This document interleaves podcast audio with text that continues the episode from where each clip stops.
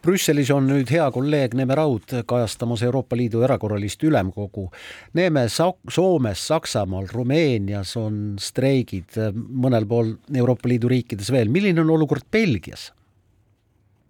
tervist, kõigepealt äh, kuulasin saate algust ja mainisite Ameerika Häält, ma olin kolmteist aastat Ameerika Hääle toimetaja, et äh, kuidagi süda läks soojaks, et ma olen ka selles kanalis töötanud. aga täna tõesti siin Brüsselis ja Brüsselis on võib-olla Euroopa streikide see kõige nähtavam osa. jah, Soome streik mõjutab lennureisijaid ja Soomes olijaid, aga Brüsselis äh, see suur streik, mis siin praegu toimub, Euroopa põllumehed, kuulsime sellel eh, streigil nii itaalia keelt, prantsuse keelt, muidugi peamiselt Belgia põllumehed, sajad ja sajad traktorid otse Euroopa Parlamendi ees, visatakse selliseid eh, paukpomme, lõkked põlevad, selline tulekahju meeleolu, politsei kustutab tuld seal, et seal tõesti tekib selline tunne, et Euroopa on sügavas-sügavas kriisis. Põllumehed on väga häiritud Euroopa Parlamendi mitmetest äh, regulatsioonidest, äh, näiteks sellest, et osa põllumaad tuleb sööti jätta ja äh, taastada nii-öelda loodust sel kombel. Ja teine asi, mis neid väga häirib siin on see, et Euroopa Komisjon plaanib ja Euroopa Parlamendi toetusel kehtestada soodusrežiimi kaubanduses Ladina-Ameerika riikidega, kust hakkaks Euroopasse tulema lihatooteid ja veini muidugi Argentiinast ja Tšiilist ja, ja sealtkandist Äh, mis äh, on siinsete põllumeeste huvide vastane. nii et äh, Prantsusmaal olid põllumeeste streigid, Saksamaal olid põllumeeste streigid ja nüüd on nad siis siin Euroopa südames. aga asja teeb veelgi dramaatilisemaks see, et umbes kaheksasada meetrit sellest suurest põllumeeste kogunemisest, kus on sadu inimesi ja põlevad lõkked ja käivad sellised paukpommide plahvatused, istuvad koos kahekümne seitsme Euroopa Liidu riigi juhid ja arutavad oma erakorralisel ülemkogu istungil Ukrainale abi andmise küsimus, see istung toimub ka erakordsete turvameetmete äh, taga, okastraataiad on püstitatud, et, et siin hommikul ringi jalutades Eurokvartalis tõesti tekkis tunne, et Euroopa on sügavas kriisis, et nagu märulifilm on kõik no päris pöörane. ülemkogu juurde tulles, mis hoolimata kõigist neist takistustest ja nendest meeleoludest ja sellest õhustikust üritab ennast ikkagi läbi murda,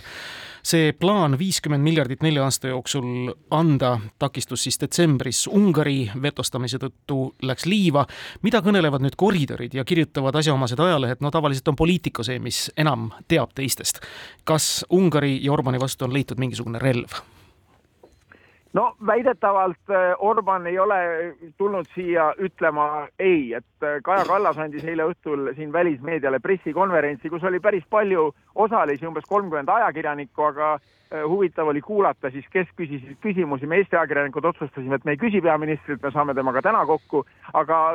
kohal olid kõik suuremad lehed, Wall Street Journal, Financial Times, Le Monde ja, ja uuriti just, et mis siis toimub. Ja Kaja Kallas ütles, et, et seda tunnet ei ole, et Orban on tulnud, nii nagu ta ajakirjanike ees on, ütlema Euroopale ei, et seal kinniste uste taga ikkagi Orban otsib mingisuguseid koostöövõimalusi, mingeid kompromisse, et noh, Ungari jaoks on oluline saada muidugi Euroopa Liidult ju päris palju raha ja, ja see on üks, üks teema, mis on kõne all, aga Euroopa Liidul, nagu Kaja Kallas ütles, on siiski taskus täna ka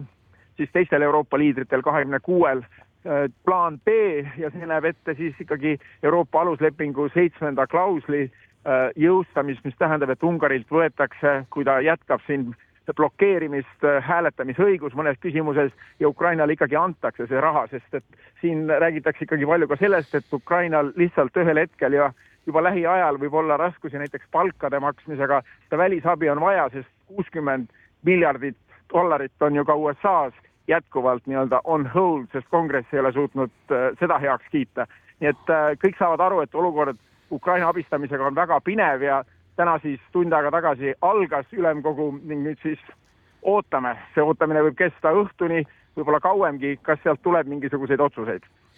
näeme, Euroopa Liit on jõudnud ka põhimõttelisele kokkuleppele külmutatud Venemaa varadelt teenitud tulu kasutamiseks sõja laastatud Ukraina ülesehitamiseks, aga ma olen aru saanud, et see näiteks Venemaa Keskpanga kuni kahesaja miljardi väärtuses raha konfiskeerimine ja kasutamisse andmine, see on ikka väga keeruline ja lõpliku otsuseni on ilmselt palju teed. kas Euroopa Liidu Ülemkogu seda teemat ka puudutab? Ja seda teemat puudutatakse, Kaja Kallas luges ette peamised teemad, mida puudutatakse, esimesel kohal oli see abipakett, viiskümmend miljardit siis järgneva nelja aasta jooksul, teisel kohal oli sõjaline abi, sealhulgas siis see miljoni mürsu initsiatiiv. eile oli siin Brüsselis ka Eesti kaitseminister Hanno Pevkur kaitseministrite erakorralisel koosolekul, kus siis jõuti arusaamani, et märtsi lõpuks suudetakse neist miljonist mürsust umbes no pool miljonit ära tarnida ja siis aasta lõpuks üks koma üks miljonit. Kaja Kallas tõi huvitava võrdluse, et no mida Euroopa siis äh, teeb, et ta ei suuda täita seda miljoni mürsu kohustust, kui Venemaa sai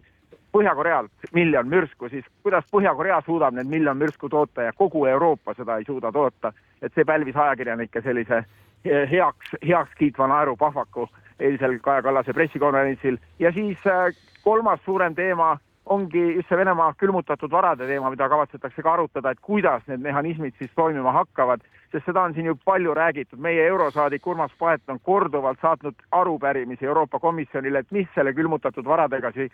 teemal siis toimub. Ja pidevalt tulid vastused, et me ei suudagi isegi kaardistada seda, siis hakkasid tulema vastused, et me oleme ikkagi kaardistanud need varad ja nüüd siis püütakse leida mehhanisme, et kuidas neid varasid hakata siis konfiskeerima ja, ja, ja kasutama sissejuhatuseks meie järgmisesse teemasse, mida ja kui üldse kõneldakse Brüsselis Hollandi valimised võitnud äärmus parempoolsest Wildersist. kas on kartusi, tema küll Brüsselis vist ei ole, vaid Rutte esindab siis Hollandi valitsust. et tema tulemuse tuules võivad ka siis nüüd eesseisvad Euroopa Parlamendi valimised tuua sarnaseid tulemusi ja vaadates, mis meeleolu praegu siis tõesti lõkete ja nende paukpommide näol valitseb siis Brüsseli kesklinnas, mis mulje see kõik kokku jätab? huvitav, äh, rääkides Hollandist veel, et äh, Ruttega kohtub ka Kaja Kallas ja mul tuli kohe meelde see nali, mis ta tegi, et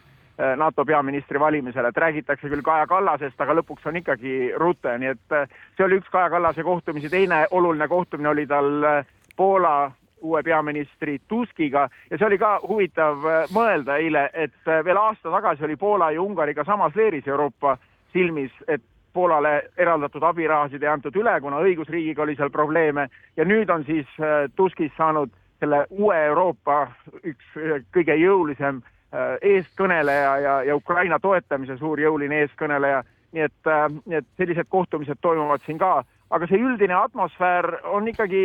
natuke sürrealistlik, sest et ajalehed täna vaatasin, kirjutavad ikkagi sellest, et, et kas äh, ja mis on Orbani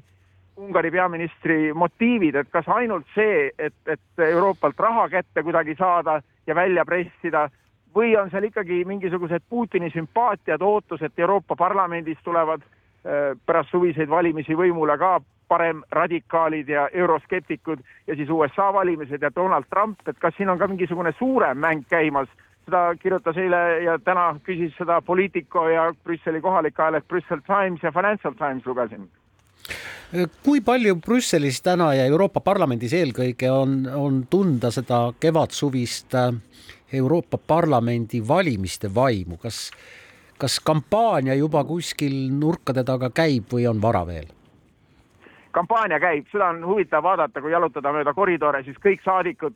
no enamus saadikuid tundub, et tahab tagasi valituks saada, kõik saadikud teevad mingisuguseid reklaamiklippe, kõigile abid jalutavad äh, kaameratega ümberringi, kõik salvestavad midagi, kõik räägivad õhinal millestki. et tundub, et tundub, et see kampaania käib, kuigi nimekirjad Eestis äh, pannakse lukku alles aprillis, on ka Eestis ju selge, et kõik seitse meie praegust eurosaadikut, vestlesin nendega just kaks nädalat tagasi Strasbourgis, tahavad saada parlamendis kohti. Jüri Ratas on äh, väidetavalt ju ka huvitatud kohast, nii et äh, huvitav selline mõttemäng, et Eesti õpib nüüd järgnevatel kuudel arvutama seitsmeni, et me hakkame kõik neid seitsme kombinatsioone näppudel üles lugema, et kes saab kaks, kes saab ühe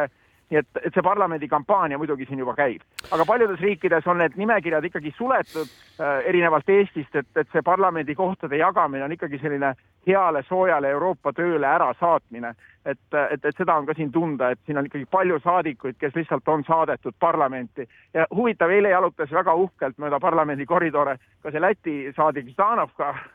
kellest tehti mingisugust videofilmi, parlamendi eesistuja Metsola keelas talle eile ühe ürituse korraldamise ja filmi näitamise ja ta oli väga pettunud, et kuidas tema õigusi rikutakse. aga küsisin Eesti saadikutelt, et mis tast nüüd siis saab ta on juba eakas naine, arvatakse, et ta enam tagasi ei kandideeri, aga et talle mingeid suuri sanktsioone nüüd sellepärast selle info tõttu, et ta FSB-ga suhtles, kehtestatakse, no seda ka paljud ei usu, et lihtsalt hetkel on see skandaalne asi, uuritakse ja siis tulevad valimised ja elu läheb edasi, aga eile ta uhkelt jalutas seal ringi ja laiutas käsi ja rääkis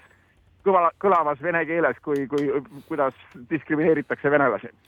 nii Suur- et jah, kampaania käib, esimesed kokaraamatudki on eesti keeles ilmunud. aitäh sulle, Neeme Raud, hea kolleeg Brüsselis ja uute ühendamisteni!